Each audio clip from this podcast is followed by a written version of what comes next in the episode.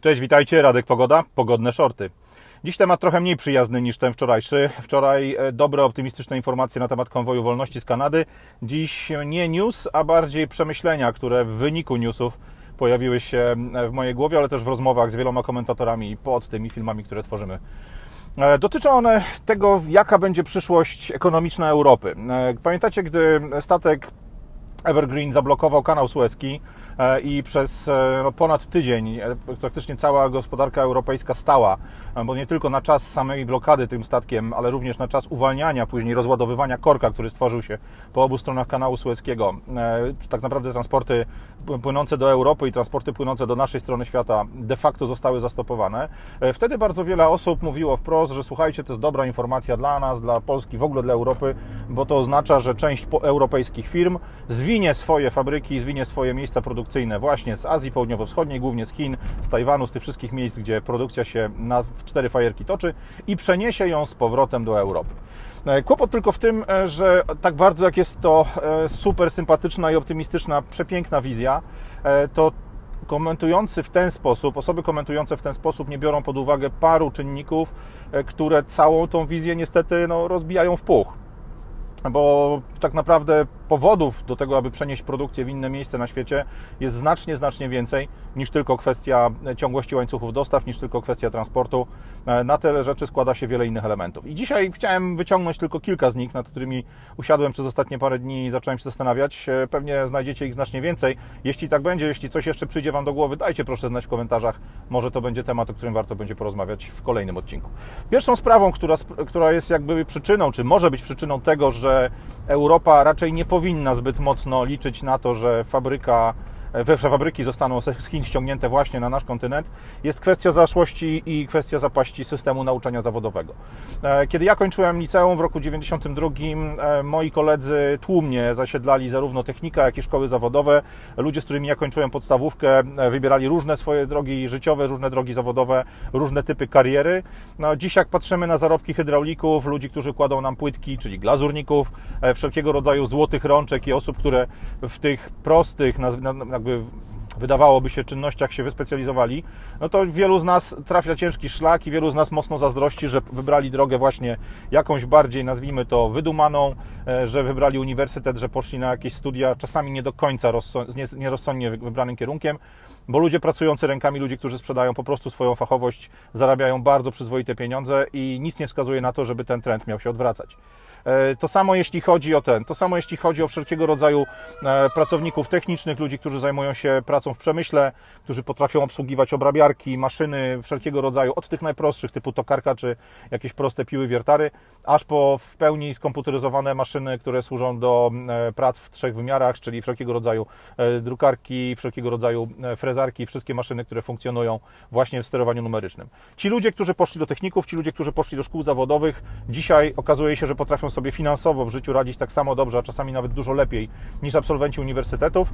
I to jest jeden z pomysłów, czy to jest jeden z powodów niestety, dla których powrót produkcji do, z Chin do Europy będzie pewnie mało realny. Mało mamy ludzi po szkołach zawodowych, mamy za mało ludzi po szkołach technicznych. 30 lat sterowanej e, koniunkturą i sterowanej decyzjami polityków, którzy zawsze lubią się chwalić ilością osób, czy procentem e, osób w społeczeństwie z wykształceniem wyższym, te 30 lat zapaści sprawiło, że na dzień dzisiejszy nie mamy po prostu kadry, nie mamy kim produkować tych wszystkich przedmiotów, tych wszystkich produktów, które budowane są w Chinach. Druga kwestia to jest dostęp do kapitału i otwartość banków na wspieranie działalności produkcyjnej. Ja przez e, Boże, ostatnie 20 już lata, od roku 2000 Jestem konsultantem, pomagam wielu firmom nie tylko budować zespoły sprzedażowe, ale też właśnie budować większe zmiany, czy wprowadzać większe zmiany w organizacjach. E, przestawiać procesy produkcyjne, a przede wszystkim przebudowywać organizację tak, aby potrafiła sobie radzić z pracą w dwóch, trzech różnych lokalizacjach. Czyli jeśli otwieracie oddział produkcyjny daleko od swojej siedziby, to bardzo często potrzebujecie takiej wiedzy, której ja w, którą ja do tych firm przynoszę. Ale ta, ten kontakt z branżą, branżą produkcyjną, ten kontrakt z producentami mebli, z producentami jakichś płyt wiórowych, e, elementów do podłóg i tak dalej, i tak dalej, dał mi jedną wiedzę. Dał mi wiedzę o tym, jak bardzo różnimy się w stosunku do Chin, w stosunku do Azji Południowo-Wschodniej podejściu naszych banków do wspierania, do kredytowania właśnie działalności produkcyjnej, działalności, która coś konkretnego wytwarza.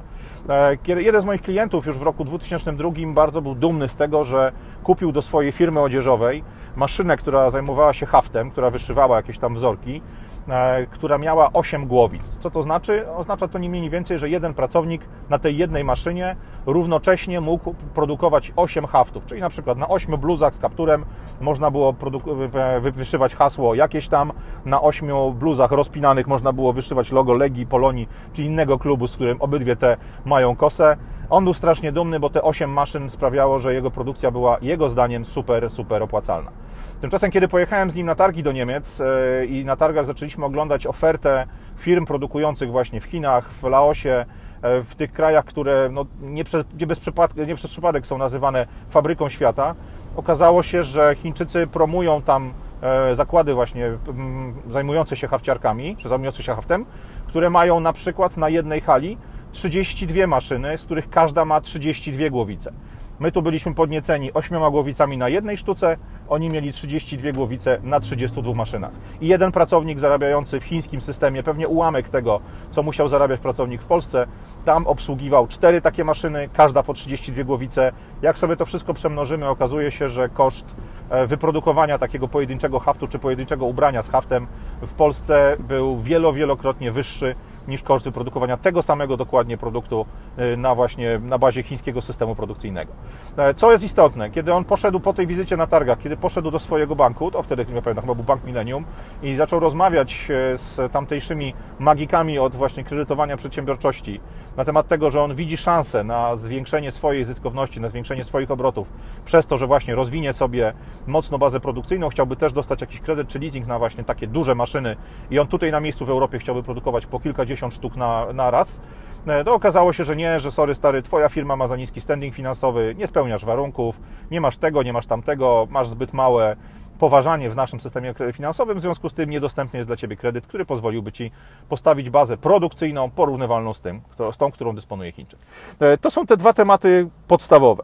Po drugie, spójrzmy sobie na ciągi logistyczne. E, patrzymy na kiedy patrzymy na statki, które płyną e, z kontenerami wychodzącymi z Azji, to widzimy tylko ostatni element. Jeżeli ktoś ogląda e, filmy czy zdjęcia z portu w Hamburgu, w Bremerhaven, w e, Rotterdamie, w tych największych europejskich centrach związanych właśnie z logistyką, związanych z importem produktów z Azji, to widzi właśnie ten ostatni kroczek, te 1313 czy 12 czy 15 tysięcy kontenerów załadowanych na jeden statek. Nikt natomiast, albo prawie nikt, nie interesuje się infrastrukturą która, infrastrukturą, która została pod tak ogromną produkcję, pod tak ogromną skalę stworzona wewnątrz, stworzona na terenie Chin, na terenie Republiki. E, nikt nie widzi rzek, które są w pełni udrożnione, którymi statki czy tam barki pływają w górę, w dół, którymi wozi się nie tylko, tak jak w Niemczech, rudę żelaza, węgiel czy jakieś inne produkty masowe, ale którymi na skalę po prostu no, stricte już chińską, przemysłową, wariacką, płyną kontenery, płyną półprodukty, płyną komponenty, bo rzeki są tam traktowane jako fantastyczne drogi transportu. Sieć autostrad chińska jest pewnie większej ilości osób znana, natomiast mało kto zdaje sobie sprawę, że ta sieć autostrad doprowadzana jest naprawdę w każdy praktycznie zakątek chińskiego, chińskiego e, państwa, pozwalając nawet najdalszym regionom, gdzie praca jest najtańsza, gdzie ludzi, którzy chcą pracować jest najwięcej, pozwalając nawet tam produkować w naprawdę dobrym stylu, w naprawdę dobrym tempie i bez kłopotów dostarczać produkty już gotowe, zapakowane do wysyłki e, do portów na brzegu, na brzegu Oceanu Spokojnego, czy tam Morza Południowochińskiego. Tej infrastruktury produkcyjnej i, i, transportowej, logistycznej w Europie nie ma. Europejskie autostrady są no już dzisiaj praktycznie zapchane ciężarówkami. E, do tego dochodzą wszelkiego rodzaju przepisy związane z podnoszeniem kosztów obsługi takiego transportu e, i choćby ustawa, która weszła teraz 26 stycznia, e, która jakby przychyla się do francuskich i niemieckich, a przede wszystkim francuskich wniosków o zblokowanie transportu e, generowanego przez Polaków, przez Rumunów, przez Bułgarów, który byłby konkurencyjny dla firm transportowych właśnie z Europy Zachodniej. E, ta ustawa sprawia, że nie będzie już delegacji, że nie będzie już możliwości płacenia e, pracownikom z Europy Wschodniej stawek takich samych jak zarabiają oni powiedzmy tutaj na miejscu w kraju, trzeba będzie te wszystkie stawki wyrównać. Z jednej strony możemy powiedzieć, że to jest uczciwe, no bo kierowca jeżdżący po Niemczech zarabia te same pieniądze, powinien zarabiać te same pieniądze, które jego kolega, który z Niemiec pochodzi. No tyle tylko, że to teoria. Praktyka jest niestety nieco inna. Przewagą polskich firm transportowych, przewagą firm z Bułgarii, z Rumunii, tych, które konkurowały właśnie z firmami francuskimi czy niemieckimi, były odrobinę niższe koszty pracy. E, kierowcy w tych firmach funkcjonujący zarabiali pieniądze jak na lokalne warunki bardzo, bardzo sensowne i byli z tego w dużym stopniu zadowoleni. E, w tej chwili, jeśli te stawki zostaną w sposób znaczący, o 15-20% podniesione, to wpłynie na koszt frachtu. Okaże się, że dużo częściej polskie, bułgarskie, rumuńskie firmy będą przegrywały w przetargach z firmami niemieckimi czy francuskimi no i przełoży się to z automatu oczywiście na to, że zleceń dla nich będzie znacznie mniej i część tych kierowców niestety będzie musiała pracę stracić, bo nie będzie dla nich zajęcia. Także podniesienie kosztów pracy kierowców ciężarówek to jest jeden z elementów bardzo istotny. Kolejnym jest kwestia właśnie związana z tym, że w Europie nie tworzy się nowych albo tworzy się w tempie jakimś zupełnie, zupełnie rachitycznym nowe magistrale transportowe, nowe systemy transportu, e, te systemy logistyczne. Efekt jest taki, że będzie dużo trudniej konkurować właśnie z Azją, właśnie z Chinami. Temat numer trzy to jest produkcja. E, o ile my jesteśmy bardzo zadowoleni z tego, że e, na Śląsku dzisiaj wreszcie da się oddychać, że nie ma już smogu, że nie ma już takich wyziewów technologicznych z zakładów stalowych, z zakładów związanych z obróbką właśnie przemysłu ciężkiego. O tyle niestety trzeba pamiętać, że każdy zakład, który znika z Polski, który znika z Czech, czy który znika z Niemiec, natychmiast pojawia się zwykle w większej skali na terenie właśnie Indii, na terenie Chin, na terenie tych krajów w Azji Południowo-Wschodniej, które bezproblemowo przejęły od nas całą produkcję właśnie w przemyśle ciężkim, które przejęły od nas masę prac, które wykonywane były przez lokalne zakłady właśnie przetwarzające rudę żelaza, przetwarzające stal i tak dalej, tak dalej. Co to oznacza? No, oznacza to mniej więcej, że nie opłacało się w Europie i nie opłacać się będzie jeszcze bardziej produkować niczego w tych tak zwanych brudnych procesach produkcyjnych, bo wszelkiego rodzaju certyfikaty, pozwolenia, ograniczenia, koszty związane z emisją CO2, koszty związane z e, nawet odprowadzaniem do środowiska już oczyszczonej wody czy oczyszczonych spalin są w Europie tak niebotycznie wysokie, że po prostu taka produkcja w Europie się nigdy nie opłaci. A niestety bez produkcji stali, bez produkcji kątownika, jakichś kształtowników czy elementów kutych, de facto wielu, wielu elementów E, innych, wielu innych produktów nie da się po prostu wytwarzać, a transport półproduktu z krajów dalekich po prostu się nie będzie opłacał. Kolejna rzecz to jest e, temat związany z ilością ludzi i z dostępnością kadr. Tutaj nie mówię już o dostępności ludzi wykształconych, czy to po szkołach zawodowych, czy technicznych, w tym temacie, o którym rozmawialiśmy e, na samym początku. Mówię tutaj po prostu o kwestii chłonności rynku, wielkości rynku, który taką produkcję w świeżo postawionych, przeniesionych z Chinach teoretycznie zakładach, e, ilości rynku, wielkości rynku, który mógłby tą produkcję skonsumować. Europa z przyległościami, czyli z tymi krajami, które e, funkcjonują wokół nas, to jest około 600 milionów mieszkańców.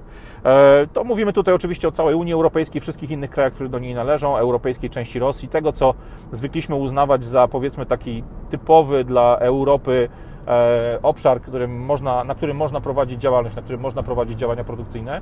E, te 600 milionów ludzi powinniśmy de facto zestawić w kontrze do około 4 miliardów obywateli Azji Południowo-Wschodniej. Kraje takie jak Chiny, jak Wietnam, jak wszystkie inne, one są nieporównywalnie większe do e, jakby wielkości ilościowej, czy znaczy ilości mieszkańców wszystkich krajów europejskich. Efekt w związku z tym jest taki, że wyprodukowanie produktu drogiego na rynek europejski jak najbardziej się opłaci ale wyprodukowanie produktu taniego, produktu masowego już niekoniecznie. Dlatego wiele zakładów produkujących zarówno dla tego klienta zamożnego, jak i dla klienta spółki ekonomicznej, spółki popularnej, tej masowej, po prostu nigdy nie będzie miało sensu, e, jeszcze nie będzie widziało sensu w tym, aby przenosić swoją produkcję z powrotem do Europy, bo to nie tu jest ich rynek. I co, jeżeli mówimy o tym produkcie popularnym czy produkcie drogim, to też y, nie miejcie fałszywego, fałszywego mm, jakby zrozumienia.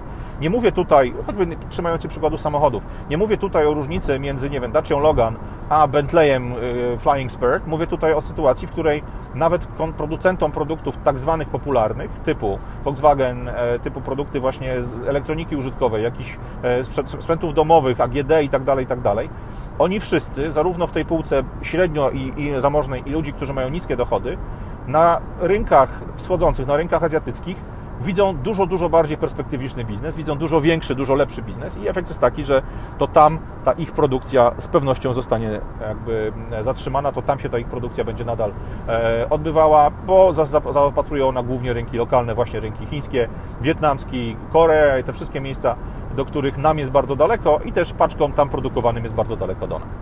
Spójrzcie na to e, trochę na zimno, trochę bez emocji. Jeśli widzicie jakieś powody, których ja nie dostrzegłem, które mogłyby sprawić, że faktycznie przeniesienie tej produkcji masowej, tych ogromnych zakładów, które pozwolą zatrudnić 5, 10, 15 tysięcy pracowników pod jednym dachem, pod jednym szyldem, że przeniesienie tych zakładów do Europy Waszym zdaniem jest realne.